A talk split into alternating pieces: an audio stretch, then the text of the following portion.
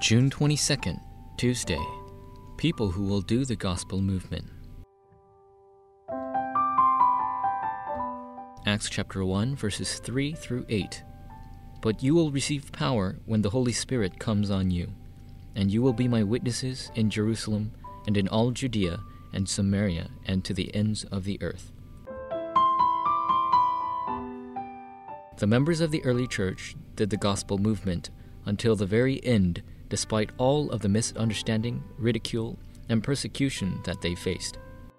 The Pharisees had formidable power, but they could not do anything to stop the weak, ignorant members of the early church. This is because the early church members had the eyes to see the important things that the Pharisees could not see. Number 1. Eyes of the early church. The early church members were able to see very important mysteries that the Pharisees could not even begin to imagine. First, they knew that Jesus is the Christ, the answer to all problems. The moment we believed in this fact, all of the forces of darkness crumbled down. Even though there may be countless problems before our eyes right now, Jesus finished it all.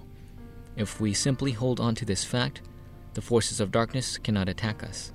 Second, they saw the kingdom of God. For this reason, they did not employ their own humanism, they could wait, and they were able to concede all things. Third, they saw the mystery of the filling of the Holy Spirit. Because God gave them a separate strength, they were able to overcome all hardships.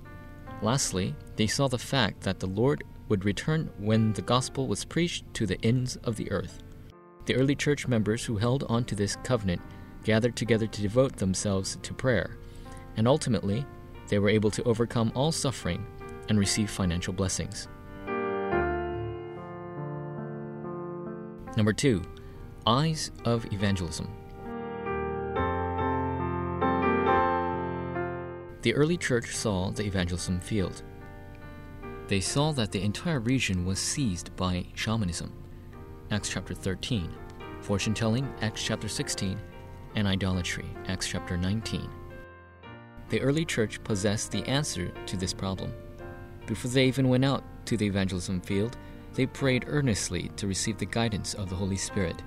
And in the midst of their prayers, they received God's grace and met with prepared disciples. Number three, eyes to see the world. Just like the early church members, we too must possess the answer to save the blind spots and disaster zones as we head out into the world. From this moment on, we will be able to discover the disciples that God has hidden in the field. In addition, we will be able to conquer the culture and revive the economy in each region.